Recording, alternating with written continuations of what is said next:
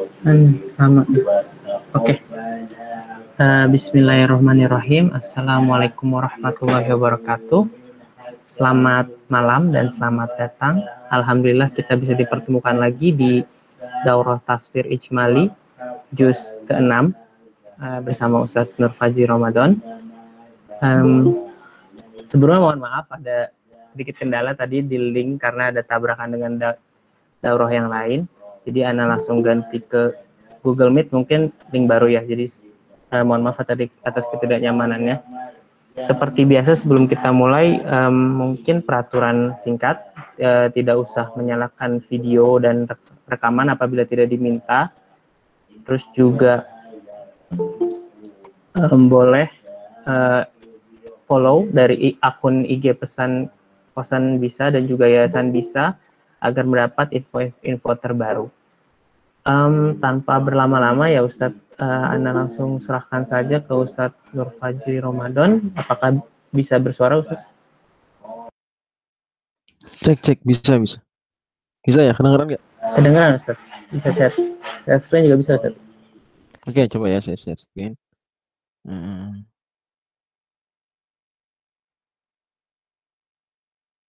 Ya, kelihatan nggak? Oke, terlihat. Oke, kita mulai bismillah. Bentar.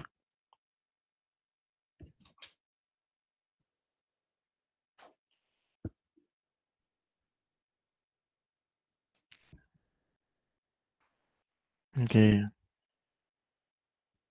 Bismillahirrahmanirrahim. Assalamualaikum warahmatullahi wabarakatuh. Alhamdulillahirrahmanirrahim. Wassalatu wassalamu ala asrafil anbiya wal mursalin Nabi Muhammadin wa alihi wa sahbihi Sudah terasa sudah seperenam lewat dari Al-Quran, sudah lima juz kemarin dibahas.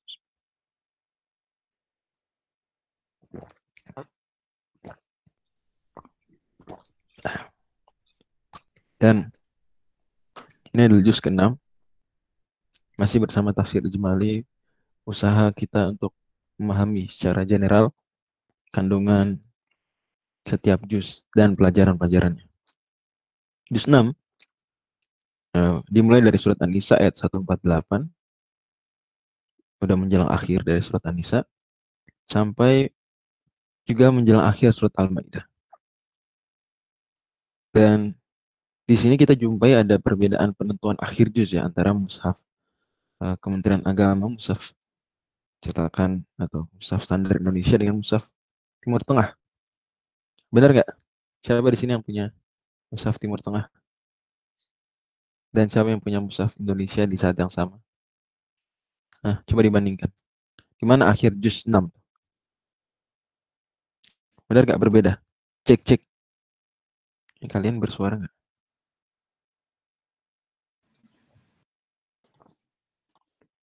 Oke. Okay. Bentar. Bener nggak beda? Beda nggak? Nah, coba dibandingkan. Akhir juz 6. Beda Ustaz. Beda ya? Uh -uh. Ya di mana kalau di ayat ke-81. Oke, itu kalau kalau Musaf Timur Tengah ayat 81 berakhir juz. Musaf Usmani. Di Musaf nah, Indonesia berakhir juznya di mana? 82. Tepat di bawah. Tepat di kanan bawah. Dan memang standarnya itu yang kanan bawah ya, betul nggak? Quran pojok kan seringnya gitu. Ini Quran pojok tuh uh, didesain biar akhir halaman adalah akhir ayat dan juga umumnya didesain juga biar akhir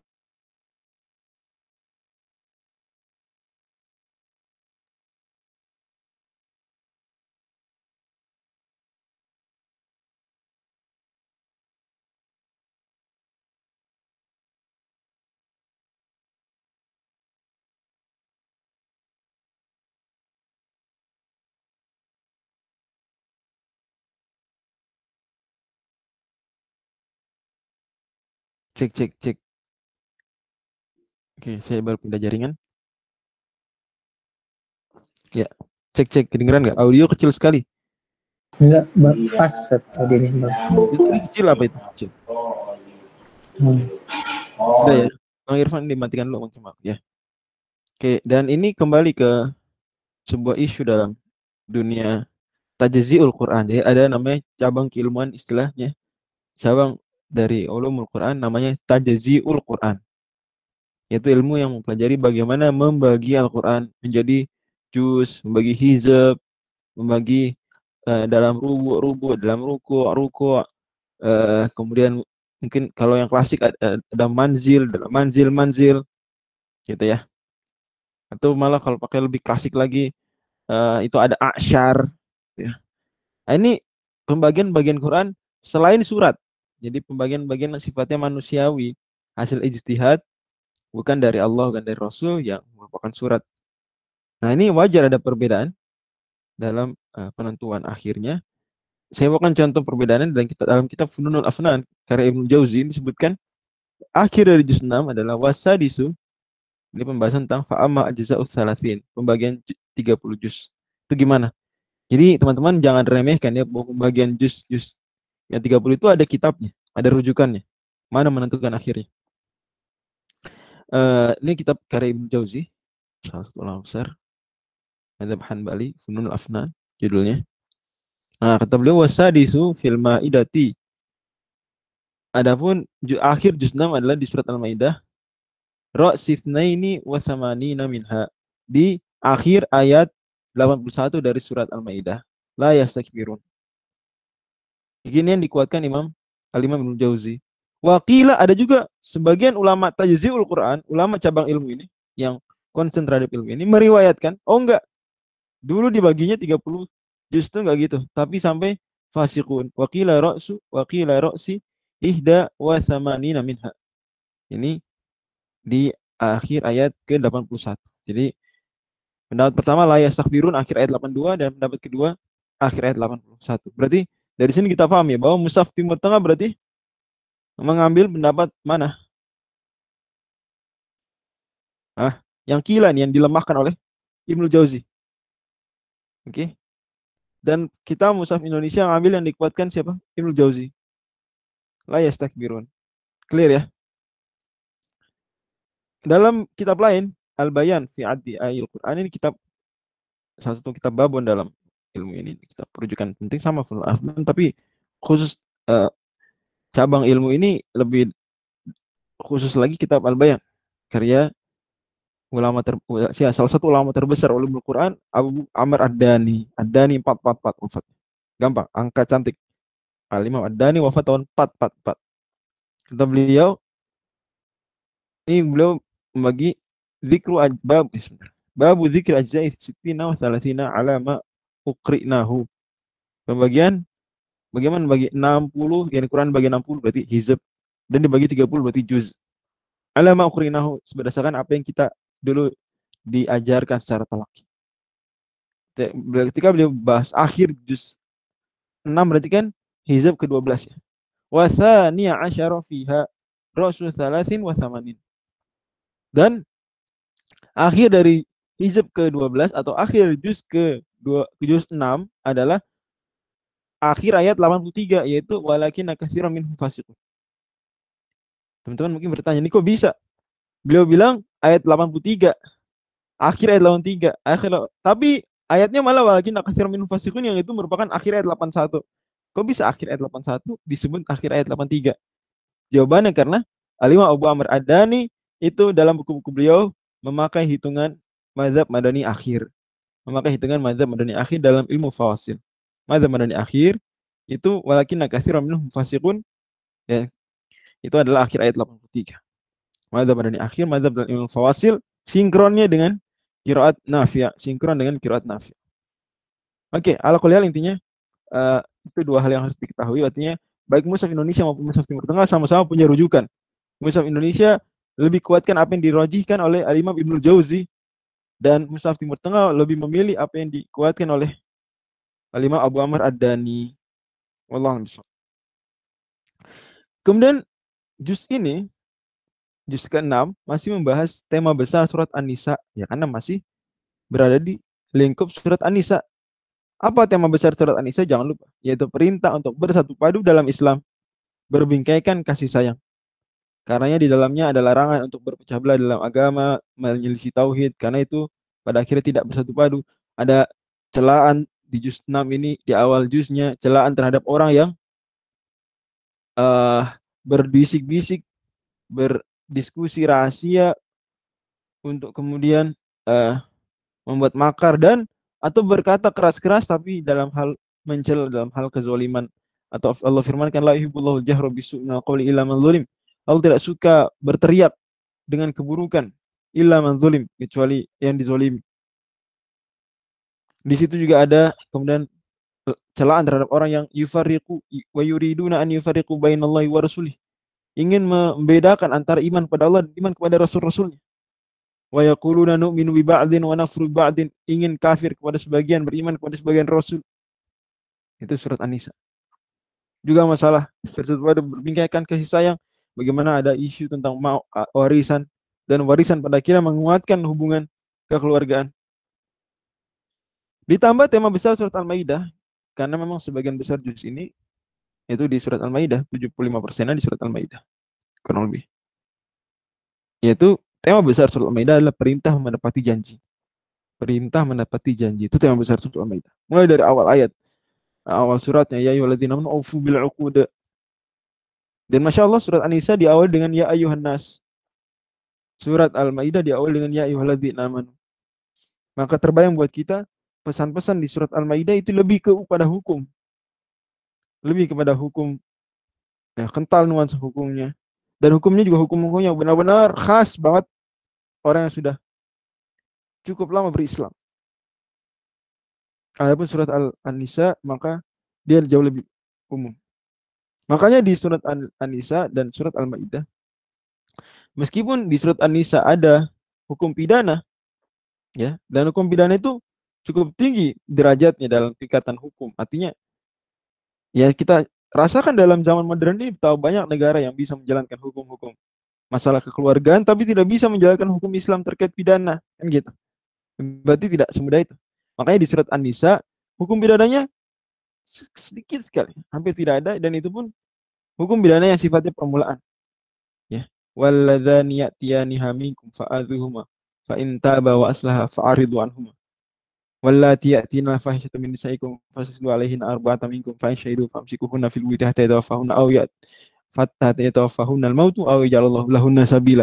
Masih hukuman-hukumannya awal-awal bahkan Allah bilang aw yaj'alallahu lahunna sabila.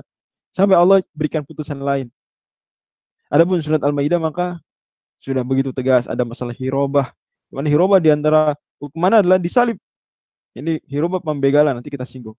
Ada hukuman pidana pencurian, ada hukuman pidana ya. Eh, pembunuhan pelukaan, pencurian potong tangan, pembunuhan pelukaan, kisos, anna nafsa bin nafsi, jiwa dibalas dengan jiwa, nyawa dibalas nyawa. Aina al aina bil aini, mata dengan mata, al anfa bil anfi, hidung dengan hidung, kalau memotong mata, mencongkel mata, dicongkel matanya, balik. Memotong hidung, dipotong hidungnya balik. Ini butuh iman lebih dahsyat. Tidak hanya sekadar dia manusia, ya Yohanes, enggak. Ya Yuladin aman. Itu surat Al-Ma'idah. Terbayang ya. Betapa besarnya perbedaan ya Yohanes dan ya Yuladin aman. Oke. Okay. Dan pada akhirnya, hukuman pidana-pidana dalam surat Al-Ma'idah kembali pada konsep perintah menepati janji.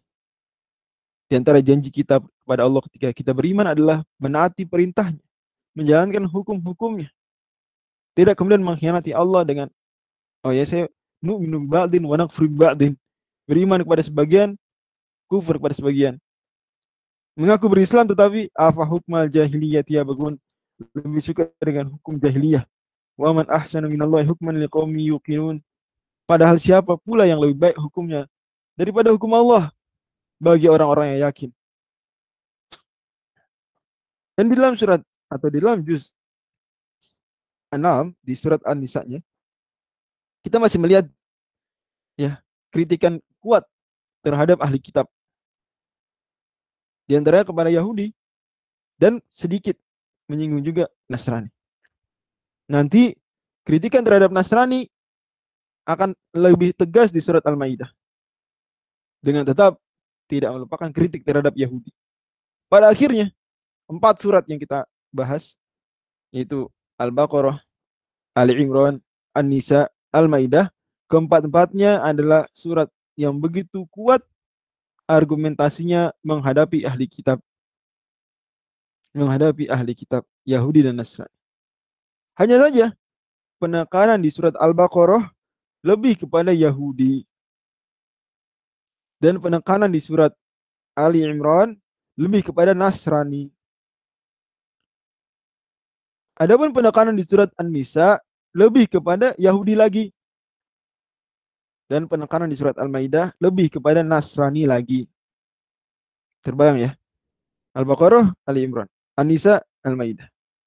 Penekanan Yahudi, terus Nasrani. Yahudi lagi, Nasrani. Tapi empat-empatnya bicara tentang ahli kitab secara umum, bicara tentang kritik terhadap Bani Israel secara umum. Makanya Allah Subhanahu wa sebutkan di akhir juz 6 eh, sorry, di akhir surat An-Nisa di awal juz 6 tentang kisah di mana orang-orang Yahudi bersekongkol dengan Romawi hendak membunuh Nabi Isa. Hendak membunuh Nabi Isa. Mereka dengki, tidak suka dengan Nabi Isa alaihissalam.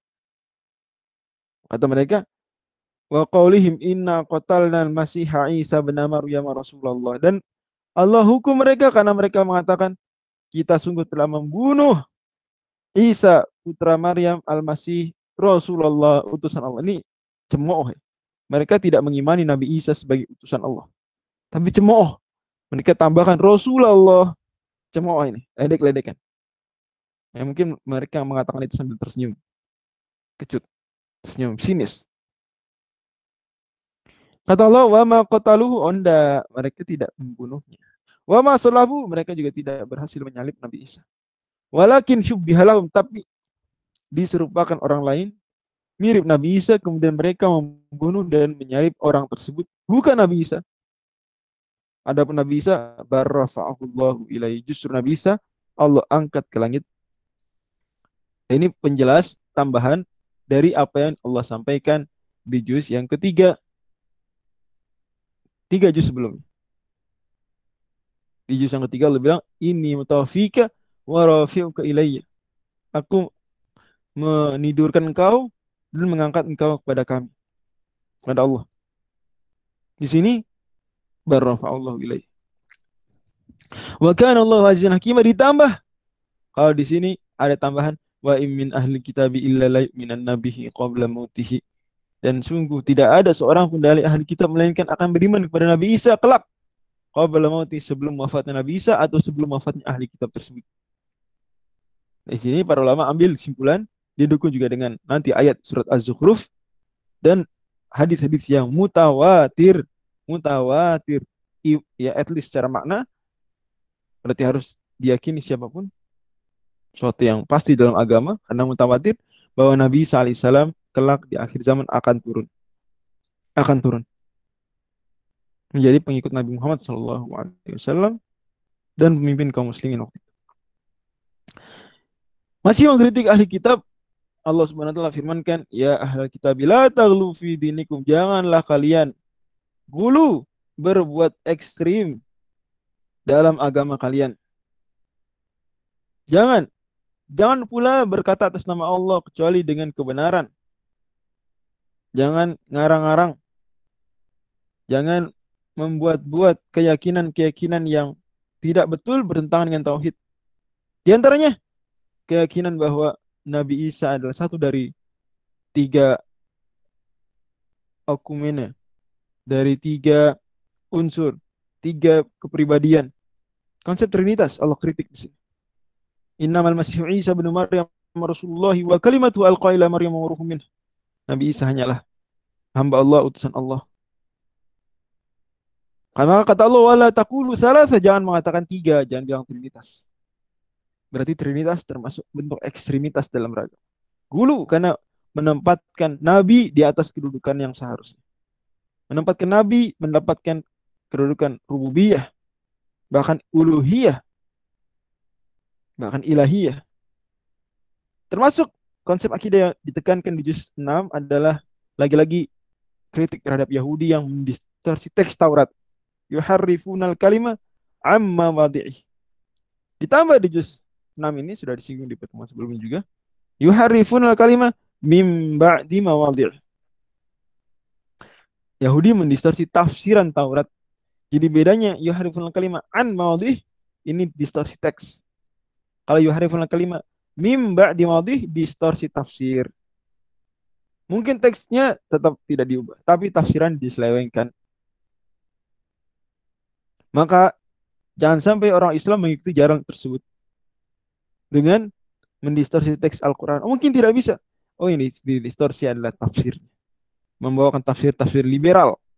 Tafsir liberal yang tidak mematuhi hal-hal baku dalam tafsir apa terhadap aturan-aturan ulum Quran dan ulum tafsir memanipulasi aturan-aturan usul fikih, maqasid syariah, kemudian mengatasnamakan ini adalah tafsir. Yuharifuna kalimah min ba'di. Lagi-lagi kemudian di akhir juz 6 Allah SWT mengatakan laqad kafara alladziina qalu innallaha huwal masyihun Allah. Telah kafir orang yang mengatakan Tuhan itu adalah Isa bin Maryam. Atau Allah itu Isa, Isa itu Allah. Atau laqad kafara alladziina qalu innallaha salih salasa telah kafir orang yang mengatakan bahwa Allah itu satu dari tiga pihak. Ini Trinitas. Allah sebut kafir. Allah bantah Ya, kok kalian kula tabuluna min dunil mala ya likul wala naf'a. Kok kalian menyembah selain Allah yang dia kalian sangka punya unsur rububiyah padahal tidak. Tidak punya hak rububiyah. Kok kalian malah persembahkan yakin ada rububiyahnya dan persembahkan konsep ilahiyah. Kok bisa begitu? Sampai Allah bilang, wa ummuhu siddiqah. Nabi Isa hanyalah mal masih Maryam illa rasulun qad min qabli rusul. Nabi Isa hanyalah Rasul. Sebelumnya pun banyak Rasul. Tidak kalian sembah, kok Nabi Isa saja. Wa Ummu Siddiqah ibunya pun, ya oke okay, bukan Rasul, bukan Nabi. Siddiqah, seorang yang sangat-sangat soleha. Membenarkan. Wasattaqat bi kalimati rabbiha. Keduanya bukanlah Tuhan. Dan ini membuat kita dapat informasi bahwa di antara Nasrani, ada yang trinitasnya itu Tuhan Bapa, Tuhan Anak, dan Roh Kudus. Dan ada juga yang trinitasnya Tuhan Bapa, Tuhan Anak, dan Tuhan Ibu, Tuhan Bunda. Ada. Jadi ada yang Allah, Nabi Isa, dan Jibril, dan ada yang Allah, Nabi Isa, dan Bunda Maria. Dua-duanya ada dalam keyakinan Nasrani. Ada yang aliran begini, ada aliran begitu. Al-Quran mengabadikan, ada yang begini, ada yang begitu. Masalah akidah jadi perhatian terus sampai sampai masa-masa madani. Perhatikan ini surat sudah madani, tapi akidah tidak pernah luput dari bahasan. Ini membuktikan bahwa memang at-tauhid awalan wa akhiran bahwa tauhid adalah dakwah yang harus jadi prioritas utama dan harus terus diperhatikan sampai akhir. Tentu tauhid dalam konteks yang luas termasuk membela akidah dari pemikiran-pemikiran yang menyimpang termasuk menjaga kemudian akidah dari syubhat-syubhat orientalis coba-coba orang liberal termasuk bagian dari menjaga tauhid. Adapun aturan syariat di juz 6 cukup lengkap. Malah tadi saya sudah bilang dia advance, cenderung advance dibandingkan dibandingkan hukum-hukum syariat dalam juz yang kelima. Karena juz 5 isinya di juz surat An-Nisa yang diawali dengan ya ayuhan nas. Adapun surat Al-Maidah juz 6 kebanyakan di situ maka ya ayyuhalladzina Di antaranya adalah pelengkap aturan waris. Aturan waris ada di surat 4 ayat 11 12 ditambah surat 4 ayat 176. Pelengkap. Jadi tiga ayat di dalam Al-Qur'an itu membahas kewarisan, ini hitungan-hitungannya. Ayat inti, ayat induk itu surat 4 semuanya. Ayat 11, 12 dan 176. Ada juga kewajiban menepati perjanjian ya, yuladin aufu bil uqud. Dan Masya Allah, salah seorang filsuf namanya Al-Kindi pernah ditantang oleh murid-murid beliau untuk membuat satu ayat dari Al-Quran, untuk bikin Quran. Tantangan. Maka Al-Kindi bilang beri saya waktu tiga hari. Al-Kindi kemudian tidak keluar rumah sama sekali. Tidak ngajar. Mikir terus, mikir, mikir, mikir. Kemudian setelah tiga hari datang kepada murid yang mengatakan saya menyerah. Tidak bisa bikin walau seayat. Kok gitu? Saya buka Al-Quran, surat Al-Maidah ayat 1. ya alladzina amanu awfu bil uqud Hilat lakum bahimatul an'am illa ma yusla alaikum wa yarmuhil sayyidi wa antum Allah ya yurid. Kata beliau satu ayat dua baris menghimpun perintah, larangan, panggilan dan dan dan beragam variasi dari bahasa Arab dalam satu ayat pendek ini tidak bisa dibuat oleh manusia. Masya Allah. Pengakuan Al-Kindi filsuf besar dalam Islam. Pengakuan nggak bisa bikin Quran. Barang saya tuh nggak bisa. Oke. Kemudian ayat kedua bicara tentang haji dan umrah dan di dalamnya ada wa ta'awanu 'alal birri wat taqwa wa la ta'awanu wal Pesan bahwa sejatinya ibadah haji dan umrah adalah ibadah untuk menguatkan ta'awun antar umat Islam. Antar umat yang awalnya adalah berayah dan beribu sama. Adam dan Hawa. Bahkan dari nafsun wahidah. Ya Yonas wa udu rabbakum alladhi khalaqakum min nafsin wahidah. Bahkan dari satu jiwa. Juga di juz 6 ada hukum terkait berburu dengan hewan. Di juz 6 juga ada bagaimana penyembelihan dan menikahi wanita ahli kitab bahwa diperkenankan kita memakan sembilan ahli kitab Nasrani dan Yahudi ini khusus hukum mereka. Ahli kitab berbeda dari musyrikin karena mereka istimewa ahli kitab meskipun non muslim kafir nanti kekal di neraka tapi lebih baik somehow daripada musyrikin yang lain. Ahli kitab itu sendiri sebetulnya melakukan kemusyrikan tapi istilah buat mereka ahli kitab. Dan ini bukti bahwa Islam menghargai orang sesuai dengan kadarnya. Tidak disamakan semua yang salah disamakan semuanya satu derajat tidak tergantung tingkat kesalahan. Juga wanita ahli kitab boleh dinikahi oleh muslim. Menurut hampir semua ulama. Berdasarkan ayat ini. Pun yang melarang pertimbangannya bukan melanggar ayat ini tidak. Tapi menganggap oh ahli kitab sudah nggak ada. Itu pertimbangan. Atau pertimbangan lainnya adalah akhir dari ayat kelima ini. Wa may bil imani faqad habitu amaluhu wa fil akhir khasirin. Barang siapa yang kafir dengan keimanan setelah itu maka telah habislah amalnya dan dia di akhirat menjadi orang yang merugi. Seolah-olah Allah mau bilang bahwa kalian menikahi wanita ahli kitab sih bisa-bisa saja, tapi hati-hati, jangan-jangan kalian ke bawah murtad. Hati-hati, jangan-jangan anak kalian malah murtad, anak kalian malah memilih agama lain. Nah itu.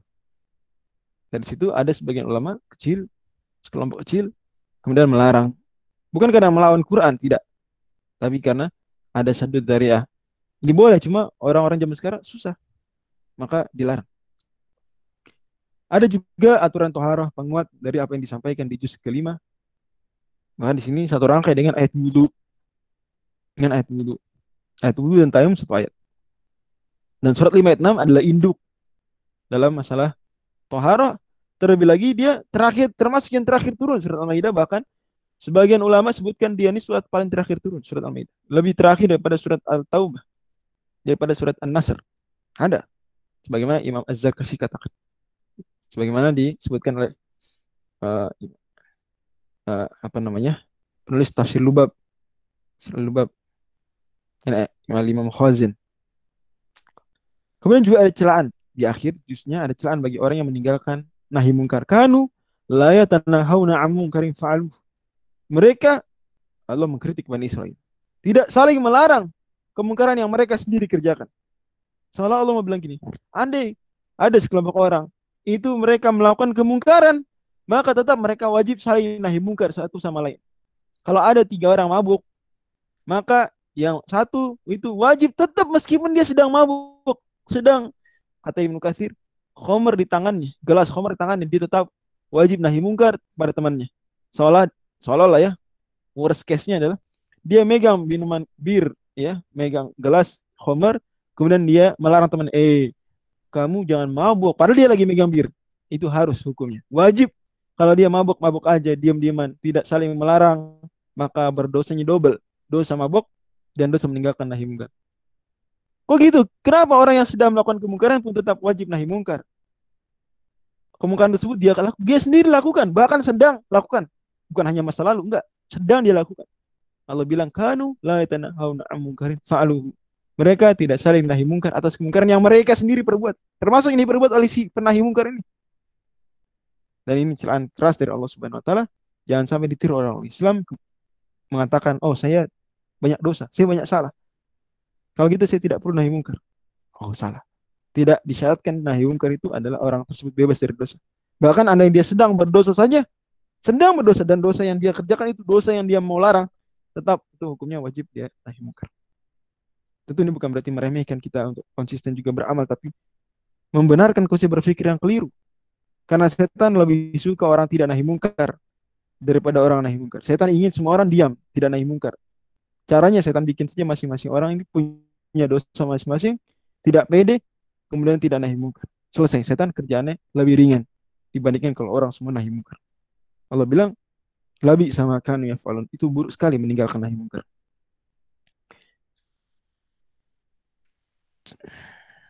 Adapun kisah, maka di juz 6 ada beberapa kisah. Pertama tadi sudah disinggung kisah usaha Yahudi sekongkol dengan Romawi untuk membunuh Nabi Isa. Kemudian juga Allah sebutkan bahwa Nabi Nuh adalah Rasul pertama karena definisi Rasul adalah Nabi yang Allah Subhanahu utus kepada kaum yang menyelisih tauhid. Kaum yang menyelisih tauhid. Nabi Adam Nabi bukan Rasul. Nabi SAW ditanya apakah Nabi Adam Nabi yang diutus? Oh tidak. Nabi saja bukan Rasul. Rasul pertama Nabi Nuh alaihissalam. Kemudian Allah juga disebutkan bahwa minhum mangkosasna alik wa minhum. Ada nabi yang kami sudah ceritakan dalam Al-Qur'an, ada lagi nabi yang belum kami ceritakan. Di juz 6 juga Allah ceritakan bahwa setiap kabilah ada 12 kabilah Bani Israel sesuai dengan jumlah nama anak Nabi Yakub. Walaupun tidak perubahan formasi kelak. Tapi di zaman itu masih 12 tersebut. 12 ini masing-masing mengirim satu nakib, satu utusan, spy, mata-mata untuk melihat kondisi kelak bagaimana Baitul Maqdis. Karena mereka setelah dari Exodus Mesir ingin menuju ke Al-Quds, menuju Al-Quds Yerusalem. Waktu itu belum belum dibangun Baitul Maqdis ya. Al-Quds Yerusalem. Kota yang dijanjikan. Allah kemudian menugaskan wa ba'atsna minhum 12 utusan. Masing-masing kabilah bawa satu. Tapi ternyata sepuluhnya pengecut. Tidak mau berjihad. Takut, oh mereka ini besar dan dan seterusnya. Kita tidak mampu. Dua lagi yaitu Kaleb dan Yusha. Ini mereka siap berjihad. Tapi saya cuma dua dibanding sepuluh. Pada akhirnya Bani Israel enggan berjihad. Allah ceritakan ayat 20 sampai 26 bahkan mengatakan kepada Musa, "Idhab anta rabbuka faqatil inna hauna qaidun." Engkau sama Allah pergilah perang berdua. Kita di sini dulu saja. Itulah kemudian Allah Subhanahu hukum mereka dengan doa Nabi Musa 40 tahun mereka nyasar. Tidak bisa ke mana-mana hanya di padang pasir saja di Syam. Tidak bisa ke mana. Di situlah Nabi Harun wafat, Nabi Musa wafat. Dan setelah selesai 40 tahun baru mereka bisa menaklukkan Al-Quds di bawah kepemimpinan Nabi Yusha. Yang nanti Yusha jadi Nabi. Allah juga kisahkan. Dan ini bukti bahwa lagi-lagi penegas mereka ini melanggar perjanjian dengan Allah. Kisah terakhir di juz ke-6 adalah kisah Qabil dan Habil. Di mana Allah ceritakan Qabil dan Habil ini anaknya Nabi Adam. Qabil anak pertama, Habil anak kedua. Dan Nabi Adam selalu lahirnya kembar. Qabil dan pasangannya, ini perempuan. Habil dan pasangannya perempuan. Dan dalam menikah, karena tidak ada besan lain, Nabi Adam tidak bisa nyari besan, maka aturannya adalah harus perkawinan silang. Tidak boleh nikah dengan kembarannya sendiri. Maka Qabil nikah dengan saudaranya Habil, Habil nikah dengan saudaranya Qabil. Itu aturan, itu janjinya, itu peraturan. Tapi Qabil tidak mau. Melanggar perjanjian. Karena bagi dia saudarinya Habil tidak cantik. Yang cantik saudarinya sendiri. Maka Qabil kemudian berebut dengan Habil dalam masalah pernikahan hingga akhirnya tidak rela dia hasil ditentukan dengan pengorbanan yang Allah Subhanahu terima korbannya Habil tidak terima korbannya Qabil Qabil bunuh Habil dosa pertama di muka bumi wallahu bisawab semoga Allah Subhanahu wa taala senantiasa melindungi kita tidak menjadikan kita orang yang kata Allah Subhanahu wa taala di ayat 81 walau kanu yu'minuna billahi wan nabiyyi wa ma unzila ilaihi mattakhuduhum awliya walakinna katsiran minhum fasiqun menjadi orang-orang yang fasik. Assalamualaikum warahmatullahi wabarakatuh.